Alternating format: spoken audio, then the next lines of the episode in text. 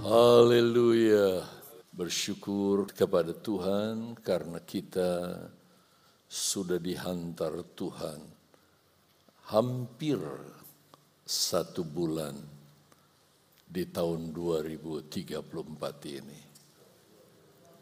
Nah, pagi hari ini kita ibadah pada ibadah yang keempat di bulan Januari ini.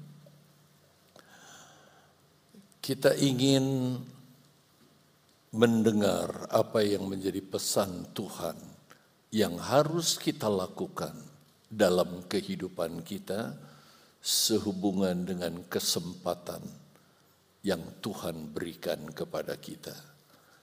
Itu sebabnya saudara bisa lihat ke LC, LED, inilah tema khotbah yang akan saya bahas, bijak dalam menggunakan waktu. Tidak salah kalau juga kita sebut sebagai bijak dalam menggunakan kesempatan yang Tuhan berikan kepada kita.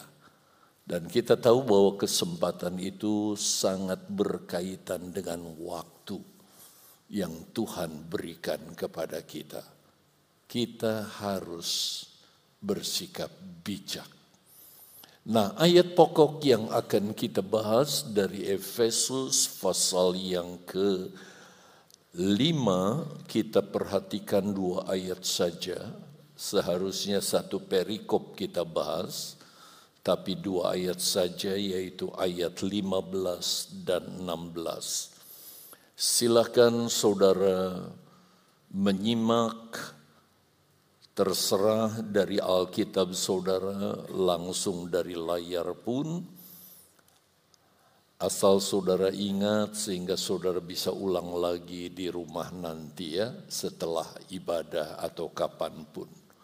Firman Allah berkata begini, karena itu perhatikanlah dengan saksama. Apa yang harus diperhatikan? Bagaimana kamu hidup. Janganlah seperti orang bebal, tetapi seperti orang arif, arif, bijaksana maksudnya.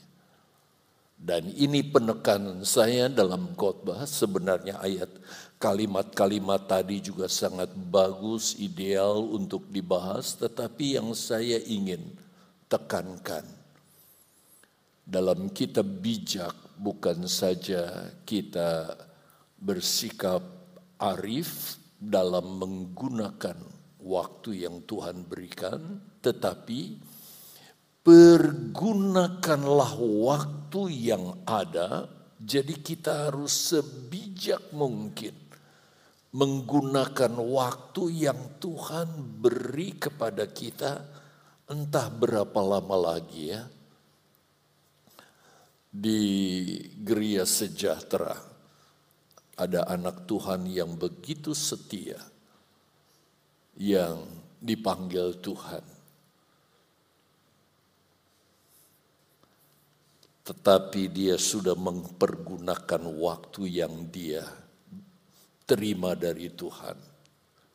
Nah, alasan kenapa kita harus mempergunakan waktu yang Tuhan berikan kepada kita dengan hati-hati. Kalimat berikutnya mengatakan, "Karena hari-hari ini adalah jahat."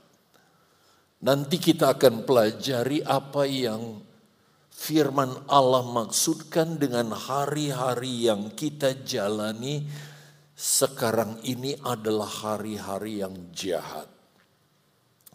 Saya akan mengingatkan saudara lebih dahulu bagaimana di minggu pertama bulan ini tahun 2024 pada ibadah yang pertama sekali lagi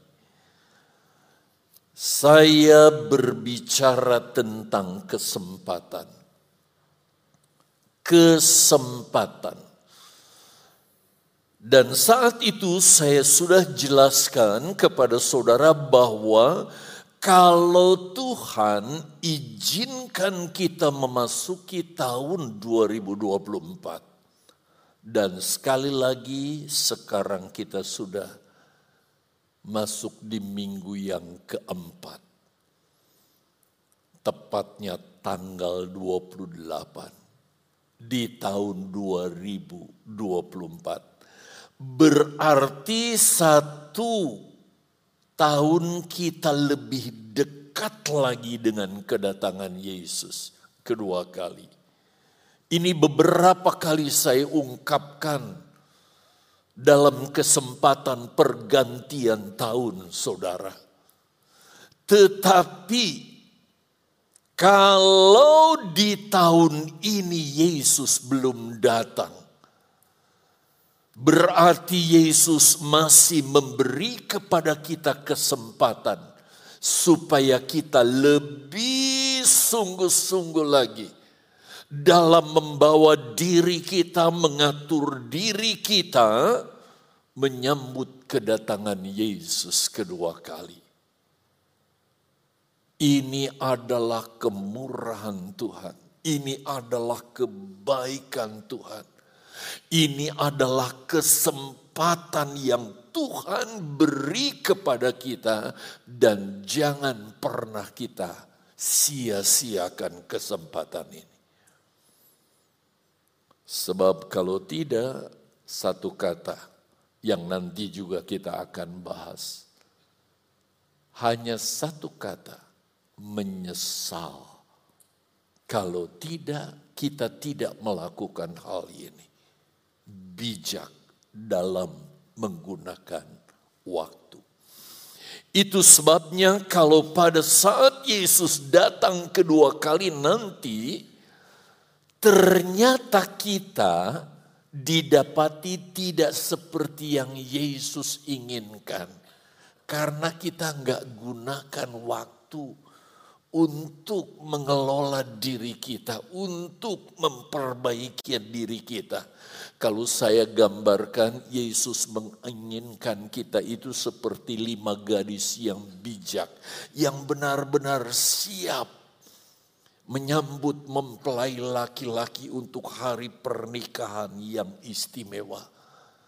Tetapi sebaliknya kita sama seperti lima gadis bodoh yang justru dalam persiapan menyambut mempelai laki-laki, dia santai, dia main-main, dia bertindak semau dirinya saudara, maka lima gadis bodoh ini tidak diizinkan masuk dalam pesta perjamuan kawin anak domba Perumpamaan ini tidak lain adalah berbicara tentang bagaimana sikap kita dalam mempersiapkan diri dengan sebijak-bijaknya menggunakan waktu yang singkat itu. Nanti saudara bisa baca itu di dalam Matius 25 ayat 10 sampai 13. Dan kalau hal itu sampai terjadi pada diri kita, kita akan menjadi orang-orang yang paling malang. Kenapa? Kita sudah tahu Yesus itu pasti datang. Dan dia ingin ketika dia datang benar-benar kualitas kekristenan kita, pengiringan kita seperti yang dia inginkan. Tapi kita santai. Kita buang-buang waktu. Satu kata, kita akan menyesal. Nah, untuk kesempatan ini saya ingin mengangkat beberapa nasihat dari firman Allah bagaimana sikap kita, bagaimana cara hidup kita di akhir zaman ini. Sebenarnya ada begitu banyak poin yang bisa dibahas, tetapi saya hanya mengangkat beberapa saja sehubungan waktu yang terbatas. Yang pertama, saudara perhatikan, bagaimana kita harus bijaksana dalam menggunakan waktu. Mungkin ada di antara saudara yang bertanya, apa dasar atau apa alasan kita harus bijaksana dalam menggunakan waktu? Kenapa harus kita bijaksana? Saya ajak saudara, kalau ada Alkitab di tangan, oke. Okay. Kalau tidak, saudara bisa lihat saya kutip kembali ayat pokok kita dalam Efesus pasal 5 khususnya ayat 16 dikatakan Sebab di hari-hari menjelang kedatangan Yesus kedua kali, kita berada di hari-hari yang jahat. Entah saudara rasakan atau belum, atau yang ada di antara saudara yang sama sekali tidak, tetapi percayalah bahwa di akhir zaman di hari-hari di mana kita hidup, kita berada dalam situasi dan kondisi yang jahat. Saudara nggak pernah ada bencana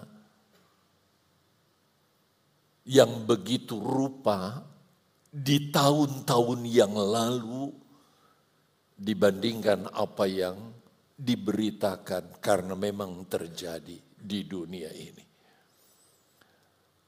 Tidak ada kondisi peperangan yang begitu hebat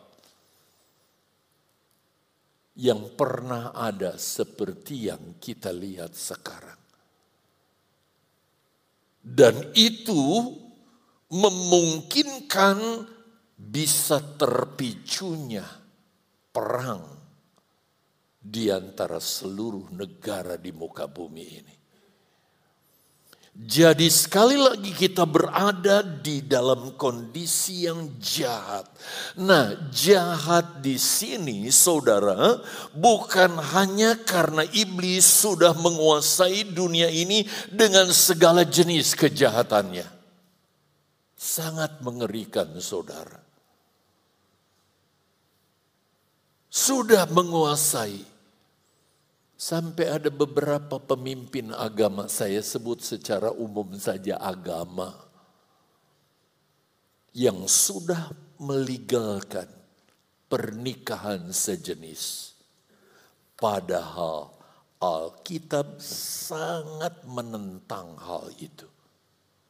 Tetapi justru pemimpin agama dengan membawa kitab yang disebut kitab sucinya itu untuk melegalkan pernikahan sejenis LGBT.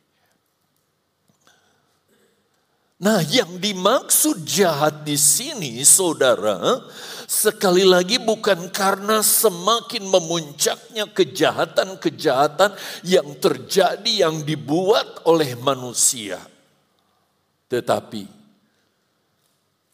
yang saya ingin tekankan kepada jemaat dan ini harus dicermati bahwa setiap saat, setiap waktu dengar baik-baik iblis ingin menjebak kita agar kita melakukan dosa-dosa Bahkan sedapat mungkin iblis menyeret kita dalam waktu yang kita nggak duga ke alam baka yaitu alam kematian dalam kondisi berbuat dosa atau hidup dalam dosa.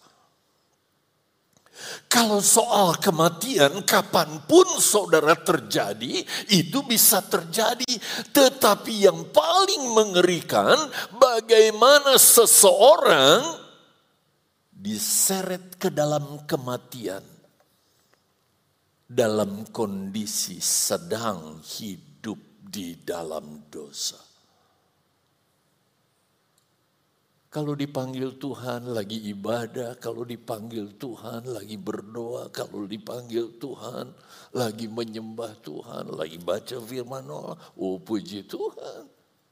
Tetapi iblis ingin membawa kita ke alam baka dalam posisi kita sedang hidup di dalam dosa. Inilah yang merupakan nasihat firman Allah bagi kita untuk kita benar-benar bijak dalam menggunakan waktu yang Tuhan berikan kepada kita. Mungkin saudara penasaran, mana sih kasih contoh orang yang harusnya sebagai orang beriman, hidup kudus, berkenan kepada Tuhan, tetapi justru mati dalam posisi berbuat dosa. Matinya di gereja lagi, tempat perhimpunan orang percaya. Siapa coba? Tampilkan aja. Ini saya pernah khotbahkan. Saudara bisa baca pulang dari gereja Ananias dan Safira. Gereja sedang punya proyek, punya program. Semua berhasrat untuk melayani berdirilah sang Ananias ini. Yang istrinya adalah Sapira. Kami mempunyai sebidang tanah. Kami akan jual dan semua hasil penjualan itu kami akan persembahkan bagi Tuhan. Wah mungkin jemaat kasih aplaus saudara. Wow luar biasa. Tetapi di rumah ketika berbincang dengan sang istri. Iblis berbisik. Dan saya ingin katakan hari-hari ini lebih jahat Mungkinkah dari si istri berkata, Pak, kenapa mesti semuanya sih? Kita ambil sedikit kan gak apa-apa, toh itu milik kita. Lihat perabot kita perlu diganti. Iya ya mam, oke dah. Kalau begitu kita nggak usah serahkan semua. Atas kesepakatan mereka ingkari ikrar yang dia ucapkan. Maka di hari ibadah datanglah sang istri. Jangan-jangan ibadahnya seperti Mahanaim ya. Ada ibadah pertama, kedua, ketiga. Siapalah tahu nanti ada keempat, kelima. Datanglah dia dengan membawa hasil. Om Petrus inilah hasilnya. Roh Kudus langsung bicara menegur di sini adalah untuk kebaikan. Supaya dia jangan terus hidup dalam kesalahan. Tetapi apa yang terjadi ketika berkata, Ananias, apakah uang yang kamu bawa ini sepenuhnya? Sederhana bukan? Iya karena kami punya keperluan pak. Jadi kami nggak kasih semua. Selesai. Tetapi dia berdusta karena iblis yang sudah memanipulasi, menipu, bahkan menyeret dia untuk hidup dalam dosa ke alam baka. Betul saudara. Langsung dia geblak masuk alam baka di gereja dalam kondisi berbuat dosa. Jadi jahat di sini saudara bukan hanya sekedar terjadinya kejahatan di mana-mana. Tetapi jahat yang dimaksud di sini adalah di mana sewaktu-waktu kita bisa diseret ke dalam kematian dalam posisi berbuat dosa. Datang istrinya ternyata sama. Bayangkan suami istri bergandengan tangan menuju ke neraka. Keadaan yang sangat mengerikan. Itu sebabnya mari perhatikan ayat ini. 2 Korintus 6 ayat yang kedua. Sebab Allah berfirman. Pada waktu aku apa? Berkenan. Biarlah kapan pun, di mana pun kita dalam posisi berkenan kepada Tuhan. Berkenan itu sesuai dengan firman Allah. Aku akan mendengarkan engkau pada hari aku menyelamatkan. Bukan membinasakan, menyelamatkan. Aku akan menolong engkau. Ini penekanannya. Sesungguhnya waktu ini adalah waktu perkenanan itu kesempatan yang Tuhan berikan. Jadikan menjadi waktu di mana kita berkenan, di mana kita kapan pun dipanggil Tuhan. Lihat kalimat kedua, kita menjadi orang yang diselamatkan. Sesungguhnya hari ini adalah hari penyelamatan itu. Kapan kapan pun kita dipanggil. Hari di mana saat kita dipanggil adalah hari penyelamatan buat kita. Kalau kita bijak dalam menggunakan waktu yang Tuhan berikan kepada kita. Nah, kenapa kita harus bijak? Kenapa kita nggak bilang nanti aja? Sekarang lihat poin kedua.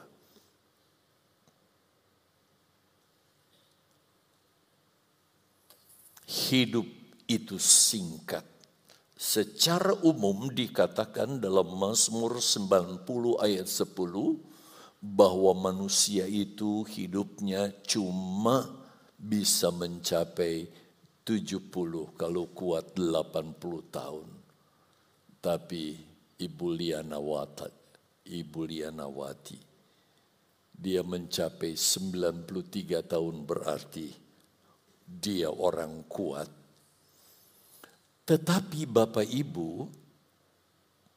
hanya sedikit orang yang menyadari, hanya sedikit orang yang mengerti bahwa kesempatan yang hidup kita yang kesempatan hidup yang kita jalani itu pendek, singkat saudara. Hanya sedikit yang mengerti walaupun ayat ini dibaca berulang-ulang. Mungkin dari sejak sekolah minggu kita sudah tahu ayat ini. Tapi sampai dewasa kita tetap masih suka main-main dengan waktu. Dikatakan dalam Yakobus 4 ayat yang ke-14 bagian B, lihat saudara, apakah arti hidup ini? Hidupmu itu sama seperti uap yang sebentar saja kelihatan lalu lenyap. Saudara pernah lihat uap kalau pagi hari saudara khususnya di daerah-daerah yang dingin, kita bisa melihat uap. Tapi hanya sepersekian detik. Uap itu nampak kelihatan, tetapi kemudian hilang. Saya ingin katakan, tampilkan, berapapun panjangnya hidup manusia, tapi bila kita bandingkan dengan namanya kekekalan, yaitu alam yang akan kita masuki. Umur atau usia hidup manusia itu seperti setetes air berbanding dengan samudra raya yang begitu luas. Sekarang kita jalani saudara, ya entah Tuhan kasih umur berapa kepada kita. Sekarang sudah kepala tujuh, apakah bisa masuk kepala delapan, apalagi kepala sembilan kayak Omalian. Tetapi bila dibandingkan dengan setelah kematian yang akan kita jalani. Kehidupan yang kita jalani ini hanya secuil waktu dibandingkan kekekalan yang gak akan pernah berhenti untuk selama-lamanya. Persoalannya habis kematian itu, eh, setelah kita hidup masuk ke dalam kematian itu, matinya di, berakhir dengan sorga atau dengan neraka. Itu kan permasalahannya. Itu sebabnya Bapak Ibu Saudara yang dikasihi oleh Tuhan, kalau sekarang Tuhan masih memberi kepada kita kesempatan. Sekali lagi kita nggak tahu kesempatannya berapa lama Tuhan beri kepada kita. Gunakan kesempatan yang baik itu. Untuk percaya kepada Yesus saya udah percaya, buktinya saya di gereja.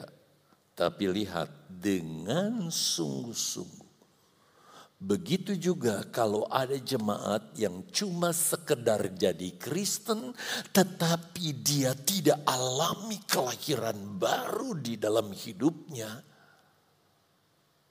Cepat, cepat ambil keputusan untuk benar-benar menerima Yesus dan hidup seperti yang Yesus inginkan. Mungkin ada banyak jemaat yang belum mengerti apa sih kelahiran baru itu. Coba kita lihat ayatnya saja ya. Roma, eh sorry, Yohanes 3 ayat yang ketiga. Kalau bisa ditampilkan supaya jemaat bisa melihat semua. Yohanes pasal 3 ayat yang ketiga. Yesus menjawab katanya, Aku berkata kepadamu, sesungguhnya jika seorang tidak dilahirkan kembali, ia tidak dapat melihat kerajaan Allah. Ada banyak orang yang ke gereja memuji Tuhan, dengar firman Allah, tetapi hidupnya tidak dilahirkan kembali. Nah, istilah kelahiran kembali ini banyak yang membuat orang jadi bingung, bahkan Nikodemus yang bertanya pun berkata, Bagaimana saya yang sudah tua bangka kayak begini masuk kembali ke dalam rahim ibu lalu dilahirkan. Yesus katakan kelahiran kembali di sini bukan kelahiran fisik. Nikodemus. Tetapi bagaimana pengalaman hidup kita setelah kita berjumpa dengan Yesus, percaya kepada Yesus, lalu oleh pekerjaan firman dan roh kudus di dalam diri kita mengubah cara hidup kita menjadi kehidupan yang baru. Saudara, kalau digambarkan dengan tanaman, sebab kalau digambarkan dengan manusia fisik ya seperti ini, susah untuk menjelaskannya. Tapi saya ingin gambarkan dengan tanaman. Katakanlah Yesus sebagai pokok anggur yang benar. Sedangkan kita adalah pokok-pokok yang gak jelas saudara. Yang berdosa, yang berbuahkan buah yang jahat, kelakuan yang jahat sudah bertebaran di mana-mana. Kalau hidup kita tidak menjadi sama seperti pokok anggur yaitu Yesus, kita semua akan dibabat habis dan dimasukkan ke dalam api, dibakar. Itu nasib manusia. Satu-satunya cara. Kalau kita baca di dalam kitab Roma, kita harus memberi diri untuk dicangkokkan ke dalam pokok anggur yang benar ini. Kita lepas dari kehidupan kita yang lama. Kita lepas dari perbuatan orang-orang yang mendahului kita. Kita lepas dari mereka dan kita menjadi satu dengan firman Allah dan roh kudusnya. Dan proses itu terjadi ketika kita duduk mendengar firman Allah. Dan kita mengalami perubahan batin di dalam hidup kita maka pokok yang dicangkokkan itu saudara dia akan mengeluarkan bukan lagi dari cara di mana dia hidup sebelum dicangkokkan. Tetapi dia akan hidup menjadi persis sama seperti pokok anggur itu. Inilah kita semua. Tetapi banyak yang tidak mengalami ini dalam hidupnya atau karena mungkin dia nggak mau karena masih senang dengan hal-hal duniawi. Bapak, ibu, saudara yang dikasihi Tuhan, itu sebabnya kita harus benar-benar menjadi pengikut Yesus yang sejati. Sampai istilah ini sudah dikenal bahkan ditiru oleh berbagai-bagai gereja saudara pengikut Yesus yang sejati. Berubah dari cara hidup yang lama. Sampai orang pun heran ya orang itu kok berubah begitu rupa. Itu hanya bisa dikerjakan oleh tangan Tuhan sendiri dalam hidup kita. Saya membutuhkan 20 menit kalau saya menceritakan pengalaman bagaimana saya dilahirkan kembali. Saya lahir, eh, papa mama sudah haleluya 12 kali. Karena sudah jadi Kristen. Sampai saya beberapa tahun saudara ikut papa saya, saya lihat papa saya khotbah di ibadah-ibadah persekutuan jemaat. Tapi kelakuan Yosminandar kalau Yesus panggil saya saat itu saya masuk neraka. Tetapi ada satu titik di mana saya ambil keputusan. Saya tinggalkan yang lama. Saya melekat dengan Yesus. Dan itulah yang membaharui. Baik sekali kalau saudara baca juga Roma 12 ayat 1 dan 2. Tetapi yang kedua saya ingin tekankan, berbuatlah apa yang baik dan yang mulia sesuai dengan firman Allah dan layanilah Tuhan. Buatlah yang baik, yang mulia, yang berkenan kepada Tuhan. Kita bersyukur ada orang-orang yang begitu peduli saudara dengan pekerjaan Tuhan di GPDI Mahanaim ini. Sehingga GPDI Mahanaim bisa tetap eksis. Dana-dana yang harus dikeluarkan begitu besar. Bisa di cover karena ada orang yang peduli. Bersyukur saudara. Kita nggak biar prat lagi ya. Apa istilahnya? Biar prat. Mati lampu lagi khotbah mati lampu, ada orang yang peduli. Lakukanlah yang terbaik dan mulia dan layanilah Tuhan. Saudara bisa baca itu di dalam Roma 11 12 ayat 11 sampai 21. Sekarang lihat pertanyaannya mengapa kita harus jadi pengikut Yesus yang benar-benar percaya kepada Yesus dan dilahirkan kembali lalu memberi hidup ini untuk kemuliaan Tuhan. Itu sebabnya kenapa di GPDI Mahanaim ada program, yo layani Tuhan. Sekali lagi nggak harus saudara tampil, nggak harus saudara kelihatan saudara bisa melakukan ini. Karena pertanyaannya lihat, poin ketiga, berapa sisa waktu yang kita miliki?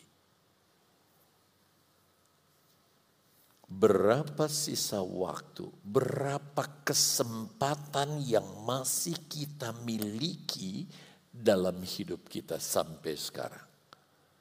Saudara nggak usah jawab berapa umur saudara sekarang. Dan kira-kira masih berapa tahun ke depan saudara bisa menjalani hidup ini untuk memperbaiki diri kita menjadi Kristen yang sejati, yang berkenan kepada Tuhan. Gak ada yang tahu. Walaupun saudara pakai ukuran Mazmur 90 ayat 10, saya sekarang umur sekian. Firman Allah katakan 70 sampai 80. Oh, saya masih lama untuk bisa sampai ke sana. Jadi saya bisa nyantai, saya bisa lakukan ini dan itu, tapi saya ingatkan saudara, waktu waktu yang kita miliki, atau tepatnya sisa waktu yang kita miliki, itu sangat cepat berlalu. Bahkan tidak ada seorang pun yang bisa tahu, saudara, berapa lama lagi dia diberi kesempatan hidup. Kita sendiri yang mempunyai diri kita, kita nggak bisa mengerti. Kenapa? Ayo dibaca ayat ini. Amsal 27 ayat 1. Jangan pernah jadi sombong saudara. Oh, aku masih punya waktu, masih panjang. Jangan memuji diri karena esok hari. Karena engkau tidak tahu apa yang akan terjadi hari ini. Ketika kami rapat majelis pusat, orang itu pas di depan saya, saudara. Dia sedang presentasi. Posisinya sedang berdiri ini mimbar ketika dia bicara. Saya lihat kok dia goyang. Tiba-tiba dia jatuh di depan saya. Dan saat itu dia langsung dipanggil Tuhan. Bagaimana kalau hal itu terjadi ketika kita sedang dipermainkan dengan dosa oleh iblis? Itu sebabnya kita harus bijak dalam menggunakan waktu. Supaya kita jangan terjebak oleh tipu muslihat Apakah ada di antara kita yang tahu berapa banyak orang yang memasuki alam kematian pada hari ini? Nggak tahu kan? Kita nggak bisa nggak bisa menerka itu. Bahkan adakah di antara saudara-saudara yang mati yang saudara tahu bahwa mereka akan masuk dalam kekekalan bersama Yesus atau kekekalan bersama iblis di dalam neraka. Kita nggak tahu. Hanya kita bisa lihat track kehidupannya dalam pengiringannya.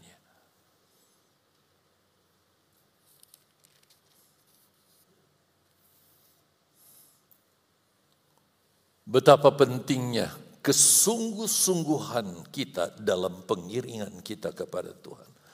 Saya yakin kalau mereka tahu, misalnya kepada saudara diberitahu, hidup kamu hanya tinggal, hanya sisa sekian waktu.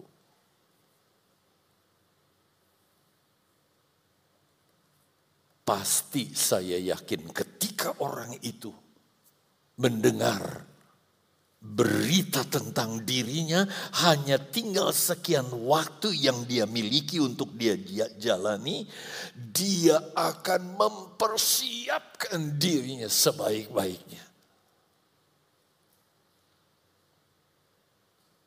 Dia akan banyak berdoa, dia banyak baca firman Allah, dia hidup takut akan Tuhan, menjauhi semua kejahatan. Pertanyaannya sekarang muncul. Kenapa tidak dilakukan itu? Kenapa tidak dilakukan? Kenapa kita masih santai, bahkan masih berani bermain-main dengan dosa? Kenapa saya bertanya seperti ini? Sewaktu-waktu hal itu bisa terjadi dengan diri kita. Kalau saudara buka YouTube begitu banyak ada orang yang mimpin paduan suara. Tiba-tiba geblak. ada yang lagi khotbah. Tiba-tiba geblak. Itu sebabnya kenapa kita tidak lakukan itu dari sekarang. Sebab sewaktu-waktu seperti ayat tadi dia bisa datang untuk menjemput kita. Perlu diketahui di sini bahwa tak seorang manusia pun di dunia ini bisa mengulangi waktu yang sudah dijalaninya. Katakanlah itu awal perjalanan saya, sekarang saya sudah sampai di sini. Saya tengok saya banyak gagal, ke depan pun demikian. Nanti di ujung saya akan tidak layak. Saya mau mundur lagi dari nol lagi, saya perbaiki dari nol. Sama sekali tidak bisa. Kita hanya miliki kesempatan dari sisa waktu yang kita nggak tahu berapa lama. Itu sebabnya firman Allah menasehati kita bijak menggunakan waktu. Yuk kita lihat ayat ini. Bisa ditampilkan ayat ini?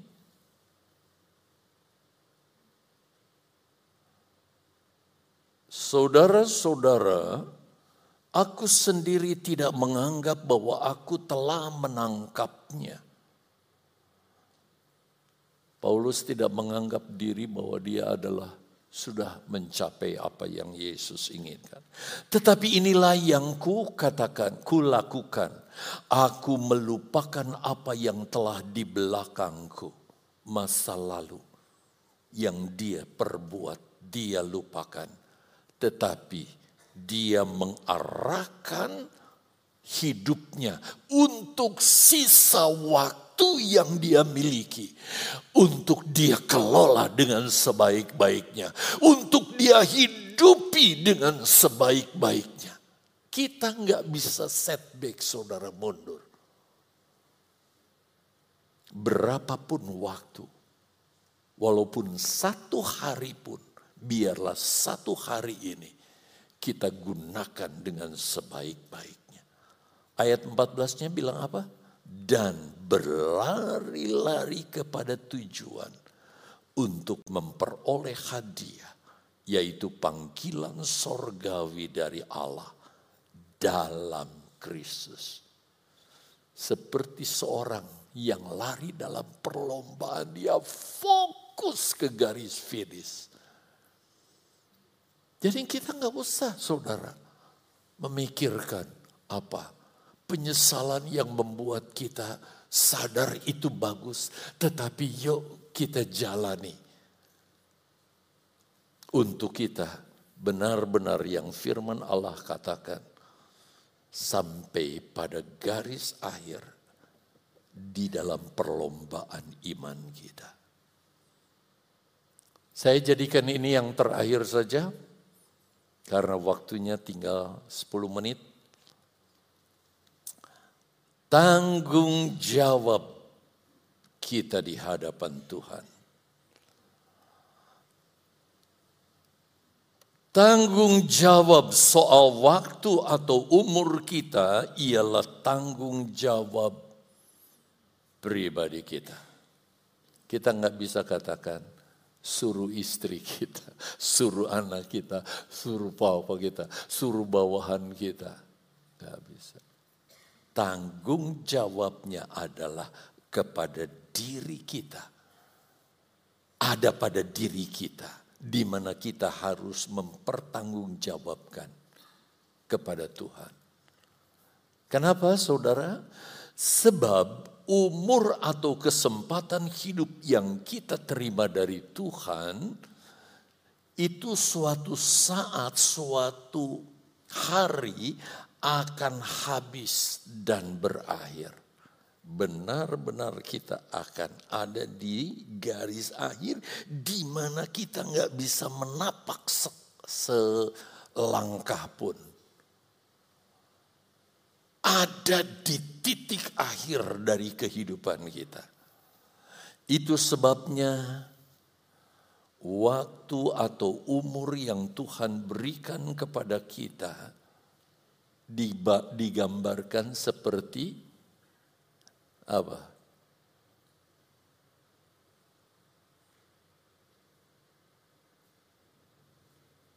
Terus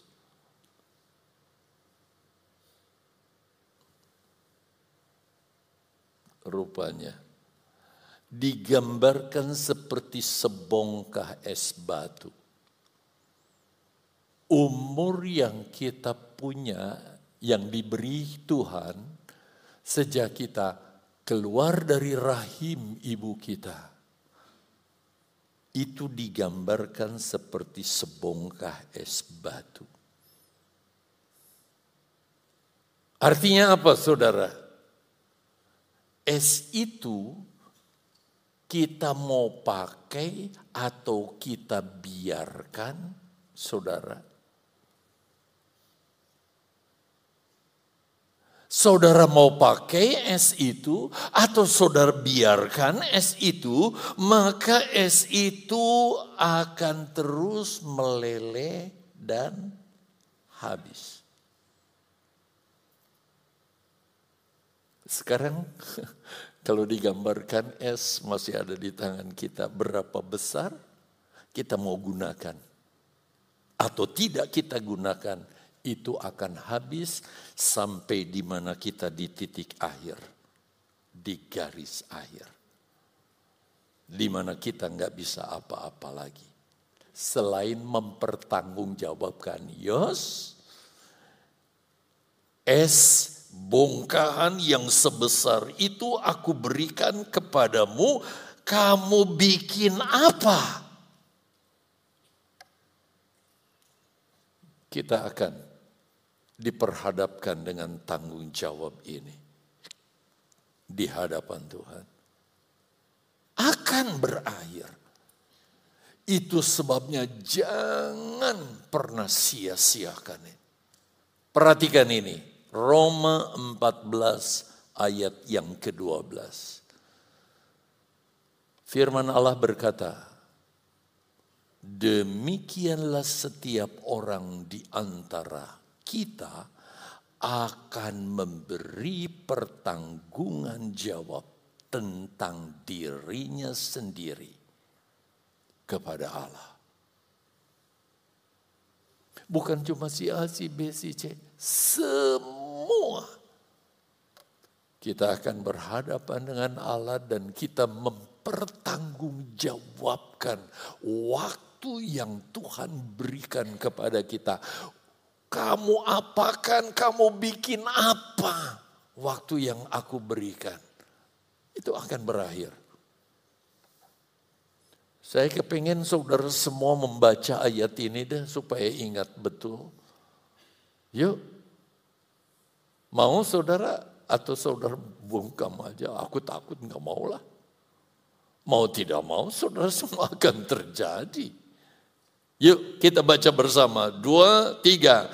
Demikianlah setiap orang di antara kita akan memberi pertanggungan jawab tentang dirinya sendiri kepada Allah. Apa yang kita lakukan kita nggak bisa lempar kepada orang. Kita sendiri yang harus mempertanggungjawabkan. Nah, kalau kita perhatikan ayat ini, saudara, bahwa kita satu waktu harus mempertanggungjawabkan tentang diri kita, perbuatan kita kepada Allah, maka ayat ini menjelaskan kepada kita, siapa pun kita, dari suku apa pun kita, warna kulit apa, status sosialnya apa, Pokoknya yang namanya orang, yang namanya manusia, yang sudah terima umur, yang sudah terima waktu dari Tuhan, maka kita harus bertanggungjawabkan itu kepada Tuhan. Saya nggak bisa bayangkan mereka yang di luar Kristus ya, ketika diperhadapkan dengan tanggung jawab ini. Itu sebabnya saya mulai dengan orang yang tidak percaya. Bagi orang yang sampai saat ini dia tetap tidak mau percaya kepada Yesus. Ada yang saudara kenal tentang orang ini, sudah diinjili, sudah diajak pun tetap tidak mau percaya, maka orang itu akan binasa dalam neraka yang kekal. Kenapa? Karena mereka sudah menggunakan umurnya dengan cara salah.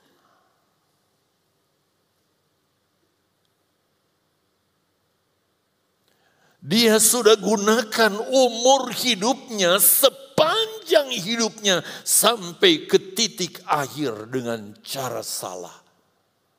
Kenapa? Karena satu-satunya yang bisa memberi petunjuk kepada kita untuk cara hidup yang berkenan kepada Tuhan adalah firman Allah yang tepatnya pribadinya adalah Yesus. Itu sebabnya saya cantumkan ayatnya. Yohanes 14 ayat yang ke-6. Ada yang hafal? Kalau ada yang berani berdiri berkata, maka Yesus berkata, akulah jalan kebenaran dan hidup. Barang siapa? Ah, dan sebagainya. Jadi sejak manusia dilahirkan dia harus mempertanggungjawabkan dirinya saudara untuk hidup berkenan kepada Tuhan dan tidak ada jalan lain selain firman Allah. Jadi berterima kasihlah kepada Tuhan. Kalau kita ada di sini, kita mendapat arahan firman Allah Asal kita dengar-dengaran ya, jangan firman Allah masuk telinga kanan, keluar telinga kiri. Sekarang kita pindah. Orang yang mengaku percaya kepada Yesus. Mengaku lewat pujian, mengaku lewat pernyataan.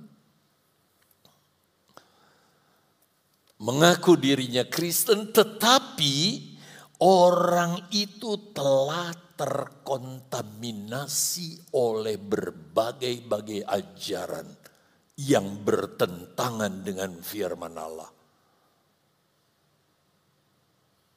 Jadi itu sebabnya kenapa di mimbar ini kita diingatkan hati-hati dengan pengajaran sekarang.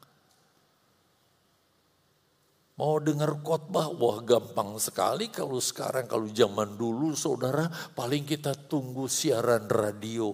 Itu pun hanya berapa menit saja dengar firman Allah. Kalau sekarang anytime kita bisa buka. Tapi nggak semua kita bisa makan, nggak semua kita bisa telan saudara. Ada begitu banyak ajaran yang bertentangan dengan firman Allah. Semuanya pakai kostum, kostum hamba Tuhan. Tanda, tandanya salib. Alkitab yang dipegang, Alkitab yang sama. Tetapi dia mengajarkan firman Allah yang bertentangan dengan apa yang Yesus inginkan. Sehingga ada model Kristen sekarang saudara nggak lagi perlu ibadah katanya.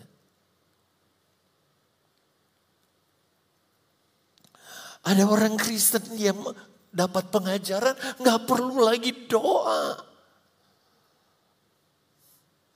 Apalagi melayani Tuhan. Apalagi hidup suci.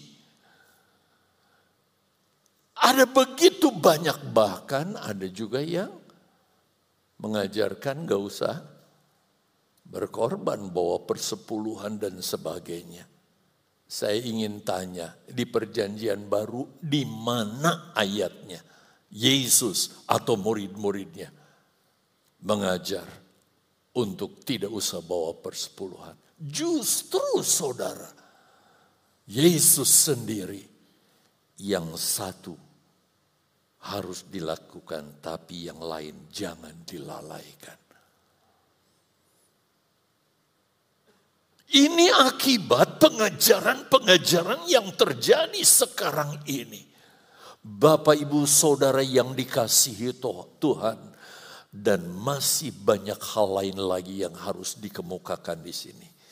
Saya ingin ingatkan saudara, jangan sia-siakan kesempatan hidup yang Tuhan beri kepada kita. Lakukanlah apa yang diajarkan dalam kebenaran firman Allah secara benar. Kenapa saudara? Kalau kita menyimpang, kalau kita keluar, tadi peringatan yang saya berikan kepada saudara. Hanya satu yang akan dialami oleh orang itu, yaitu penyesalan untuk selama-lamanya. Ini sangat mengerikan, saudara. Kalau sekarang kita alami penyesalan, masih bisa mengulang, tetapi kalau sudah di titik akhir, sorga atau neraka, kalau sorga tentu bersuka cita selamanya. Tapi di neraka adalah penyesalan untuk selama-lamanya. Dan saya ingin katakan itulah siksaan yang paling menyiksa. Penyesalan itu. Kenapa? Karena saudara nggak bisa mengulangi. Aduh mestinya saya nggak di sini. Tapi saudara nggak bisa keluar lagi. Kita nggak bisa keluar lagi. Yang ada adalah penyesalan. Dan ini adalah siksa yang paling menyakitkan. Dan kami tidak mau saudara mengalami hal itu. Itu sebabnya bijaklah dalam menggunakan waktu yang Tuhan beri kepada kita. Izinkan Tuhan berkarya oleh rohnya dalam hidup kita.